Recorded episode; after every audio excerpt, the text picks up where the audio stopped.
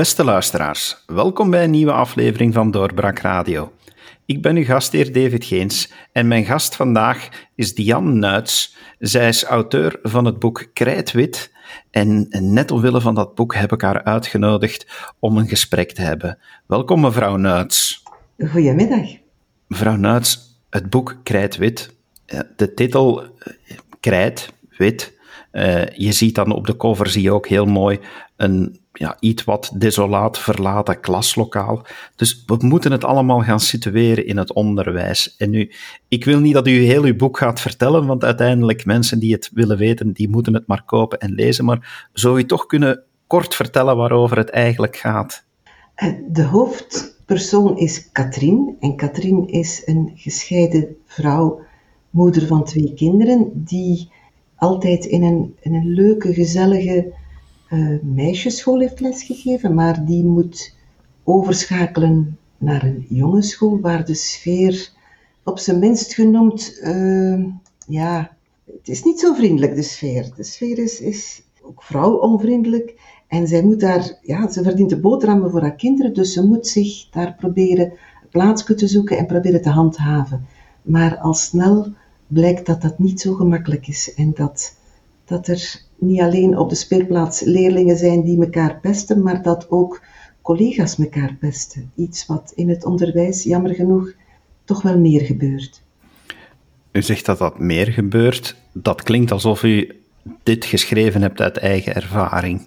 Ik heb een rijke fantasie, maar ik heb dit geschreven uit eigen ervaring. Niet alles wat in het boek staat is gelukkig echt gebeurd, maar wel een vrij groot deel ervan. En Katrien is vele vrouwen. Daar bedoel ik mee. Ehm, ik heb wel meer gesproken met andere collega's die mij ook verhalen verteld hebben.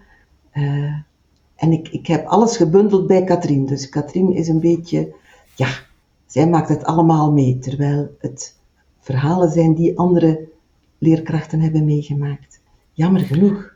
Het is dus inderdaad wel echt als een aanklacht te lezen naar mistoestanden die in het onderwijs bestaan. Want ik neem aan dat ze nog altijd bestaan, hoewel dit verhaal eigenlijk, als je het leest, jaren geleden zich heeft afgespeeld. Ja, het verhaal is, is heel lang geleden, omdat ja, ik, ik moest het situeren in een tijd waar ik het ongeveer zelf had meegemaakt, omdat er, er was geen gsm toen, er waren geen sociale media toen. Uh, ik, ik kan mij voorstellen dat als leerkrachten nu nog gepest worden, dat die daar foto's van maken of filmpjes van maken en op sociale media zetten en dat op die manier kunnen aanklagen. Maar in de tijd dat ik en waar ik dan Katrien ook situeer, dat allemaal meemaken, is er eigenlijk weinig dat je kon doen. Er was een meldpunt van Miets Met, maar dat was een telefoonnummer en dat stond bij ons in de leraarskamer op een, op een whiteboard. Ja, maar ik was zo bang dat ik dat nummer niet durfde bellen, want ik wist niet wat er met mijn informatie ging gebeuren. Dus er was vroeger heel erg weinig om, om dit aan te klagen. En ja, dit is een j'accuse voor mij. Uh, maar ik, ik, ik, ik moet ook heel voorzichtig zijn, want er zijn geen bewijzen meer. Ik kan niemand echt beschuldigen. Dus het, is, het verhaal is gebaseerd op waar gebeurde feiten, maar ik kan u jammer, niet genoeg, jammer genoeg niet vertellen wat echt is en wat niet. Dat begrijp ik. En uh, dat maakt het natuurlijk ook een beetje extra spannend om te lezen, omdat je die vraag dikwijls stelt van hoe zou dit nu echt gebeurd zijn of zou dat nu echt gebeurd zijn. Maar denkt u dat dat wat, wat u daar in, in uw boek beschrijft, dat dat een fenomeen was dat, dat in die jaren heel sterk speelde en dat het verbeterd is? Of denkt u, nee, dit is nog altijd een eigen tijdsverhaal en gebeurt de dag van vandaag ook nog? Oh, ik weet het niet. Ik hoop dat het, dat het minder gebeurt nu. Vooral omdat er meer kanalen zijn waarop je kan reageren als, als slachtoffer. Uh, maar ik, ik hoor toch nog altijd dat, dat het gebeurt. Machtsmisbruik is van alle tijden. Je gaat dat overal tegenkomen, in alle geledingen. Uh, ik weet het niet. Ik, ik ben in 2000 uit het onderwijs gestapt, toch uit het, het basisonderwijs.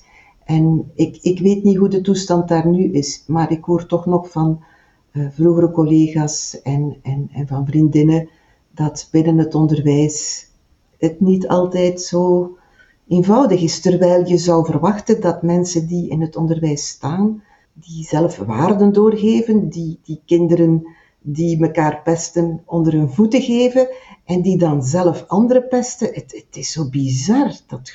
Het kan eigenlijk niet, maar ik denk dat het nog gebeurt. Het zal wel minder zijn als vroeger, maar ik vrees dat het nog altijd gebeurt. Het heeft wel duidelijk sporen nagelaten. Dat, dat merk je ook aan de manier waarop het verhaal geschreven is, als ik, als ik het, dat zelf mag, mag verraden, ja. uh, na het boek uh, met veel interesse gelezen te hebben. Maar, maar het, het hele verhaal laat, laat duidelijk heel veel gevoel merken. En u hebt dat nu geschreven, dus ergens doet dat dan toch mij ook als lezer het gevoel geven van wauw, het is zo lang geleden gebeurd en het wordt nu nog met zoveel gevoel geschreven. Dat moet toch echt dan diepe sporen nagelaten hebben? Dat heeft diepe sporen nagelaten, zeker weten, ja. Um, maar het verhaal is al langer opgeschreven. Ik ben in 2000 gestopt uh, in, in het basisonderwijs en ik ben eigenlijk direct beginnen schrijven. Maar ja, dit is versie 235, die dan door een uitgever is opgepikt. Um, maar ik heb het vrij snel opgeschreven. Um, en het, het, laat sporen na. Ja, um, je, je, je geraakt uit zo'n situatie als je gepest geweest bent als, als mens. Ik sta, ik sta met de billen bloot hè, als ik dit verhaal loslaat op het publiek en ik schrijf daarvan achter eh, dat dat gebaseerd is op waar gebeurde feiten bedoel, ik ben daar niet fier op, hè. Integendeel. Maar ik wil ook eens mijn kant van het verhaal laten zien. Misschien dat een of andere pester dit oppikt en leest en zegt, mijn god, waar ben ik mee bezig? Dus ja, het blijft, het blijft. Maar het, ik heb ooit eens gelezen, struikel niet over iets dat achter je ligt. En het ligt ver achter mij. Maar ja, het heeft, heeft zijn sporen nagelaten. En hetgeen dat u zegt van we weten niet wat er echt gebeurd is en wat wel en wat niet. Ik kan wel een tipje van de sluier oplichten. Mijn deur was effectief weg en het kwakje lag echt op mijn bureau.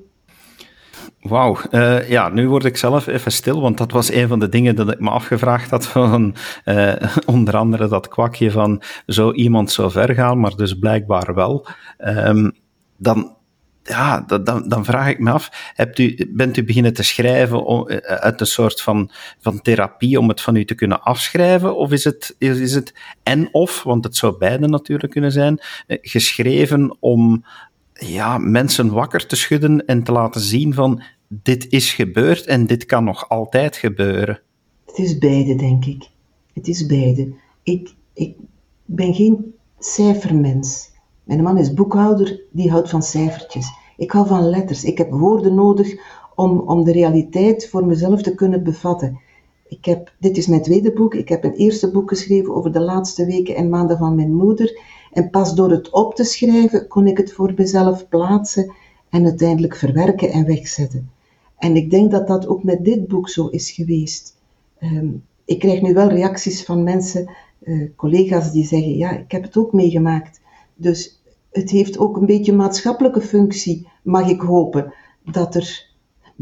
Minister Wijts zei laatst: de rotte appels moeten eruit in het onderwijs. Ah, wel, ik, ja, eigenlijk moet het. En, en misschien helpt dit om, om te laten zien van, ja, er zitten rotte appels tussen.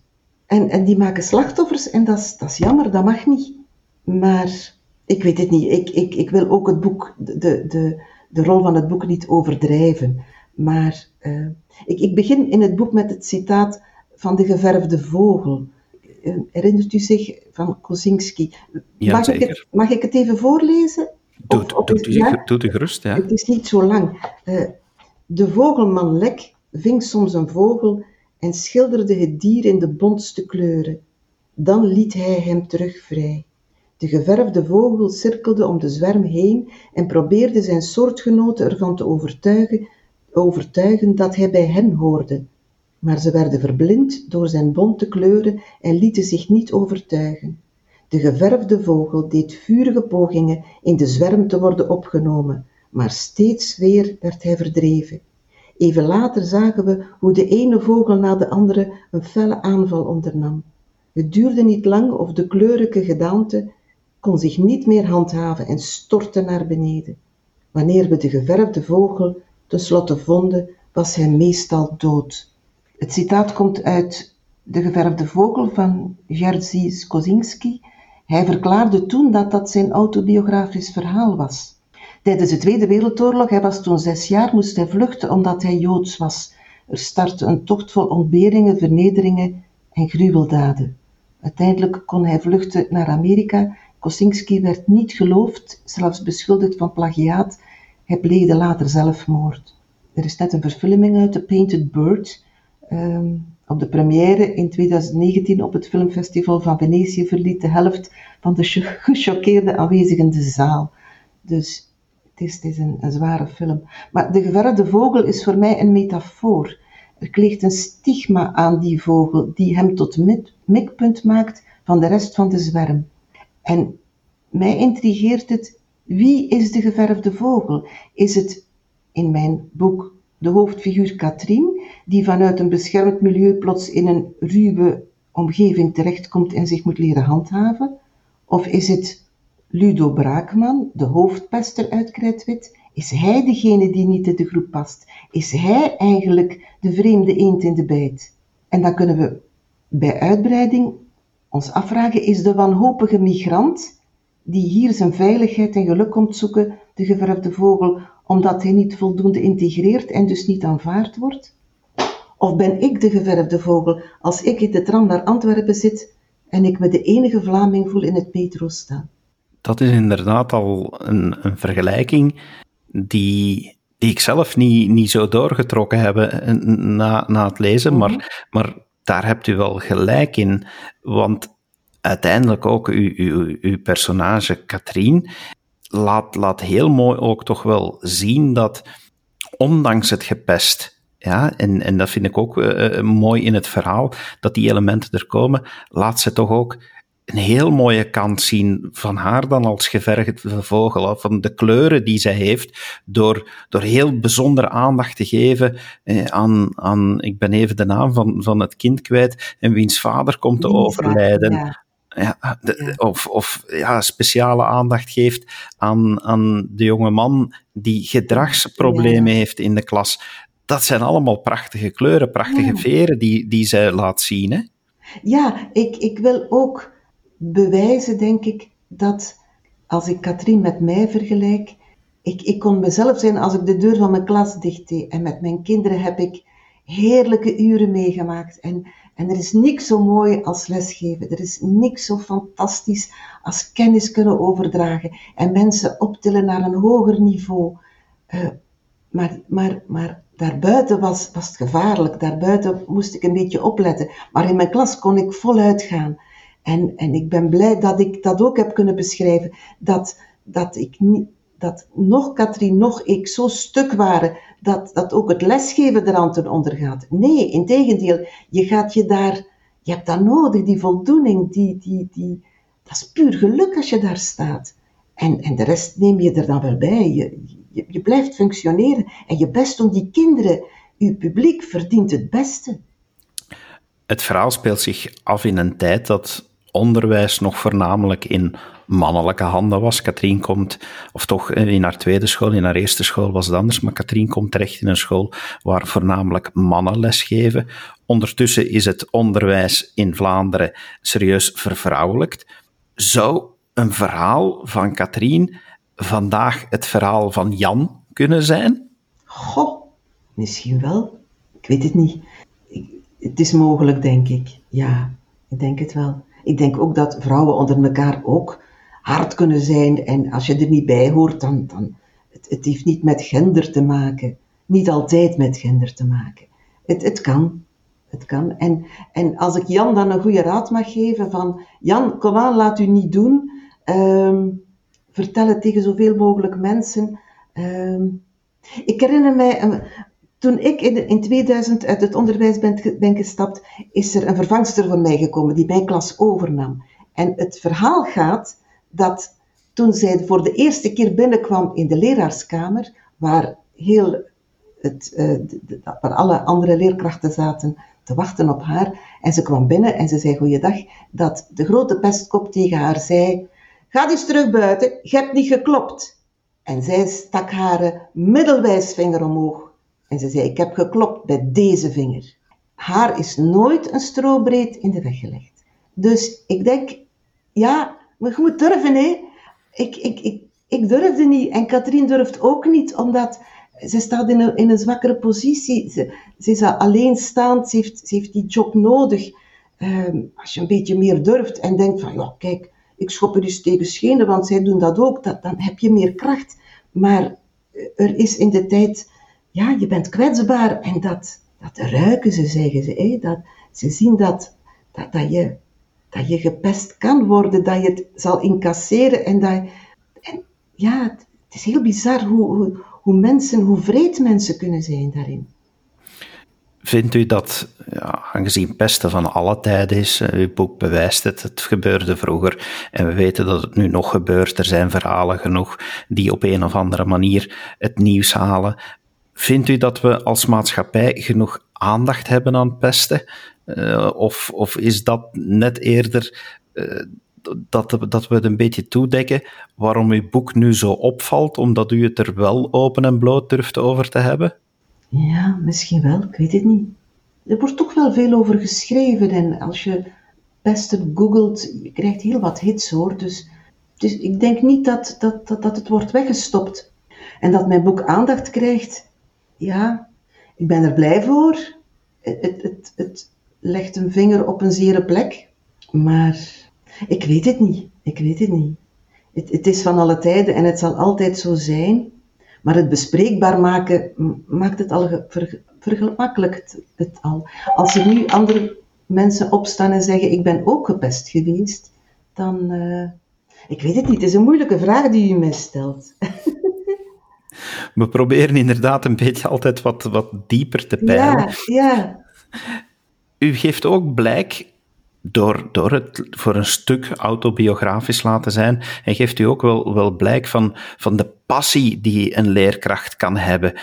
Waar, denkt, of waar, waar, waar zit uw passie daarin? Van, waarom bent u altijd zo gepassioneerd geweest om, om, onder, om onderwijs te kunnen geven, om les te kunnen geven?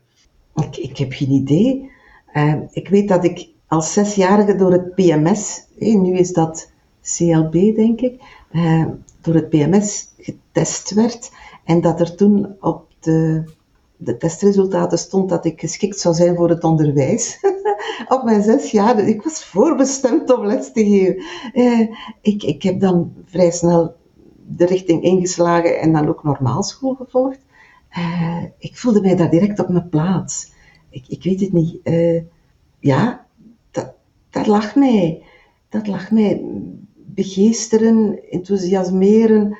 Um, ik ben zelf, vind ik, niet echt een grote krak, dus ik, ik begreep echt wel als kinderen het moeilijk hadden met iets en ik probeerde andere manieren te zoeken om het op anders uit te leggen en nog eens anders en, en dan nog een keer. En ja, het lag mij gewoon. En toen ik in 2000 stopte in het basisonderwijs, heb ik uh, een jaartje thuis gezeten. En, en toen kriebelde het toch, want dat lesgeven, ja, dat is een verslaving eigenlijk. Je, je, je wilt dat nog doen. En toen zei mijn uh, jongste zoon van moeder, ze hebben mensen nodig die Nederlands geven aan anderstaligen. Is dat niks voor u? En uh, ja, ja, ik heb dat dan eerst als vrijwilligster gedaan. En toen uh, voelde ik van, dat ligt mij ook, ja, een ander publiek. Um, maar ik voelde wel dat ik de, de, de, juiste opleiding niet had. Dus ik ben op mijn vijftigste dan naar de, de UA gegaan, de universiteit. Ik heb een jaar didactiek Nederlands voor anderstaligen gevolgd. Samen met Germanisten die, die pas afgestudeerd waren. Ik was 50 jaar. Ik was de bomma daar. Ze noemden mij dat echt de bomma. Um, en ik heb daar leuke dingen geleerd. En ik heb daarna nog 15 jaar Nederlands en anderstaligen gegeven met met zoveel deugd, je kunt dat niet geloven. Je kunt dat echt niet geloven. Zalig is dat om te doen. Uh, door omstandigheden ben ik nu met pensioen, omdat um, door corona het, lesgeven via Zoom moest gebeuren en dat een medium is dat zowel voor mijn cursisten als voor mezelf niet echt het ideale is. Maar ik mis dat wel. Ja, het zwarte gat valt voorlopig wel mee, maar ja, lesgeven is zalig. En, en voor iedereen die nog twijfelt, die, die goesting heeft om het te proberen, doe het. Doe het.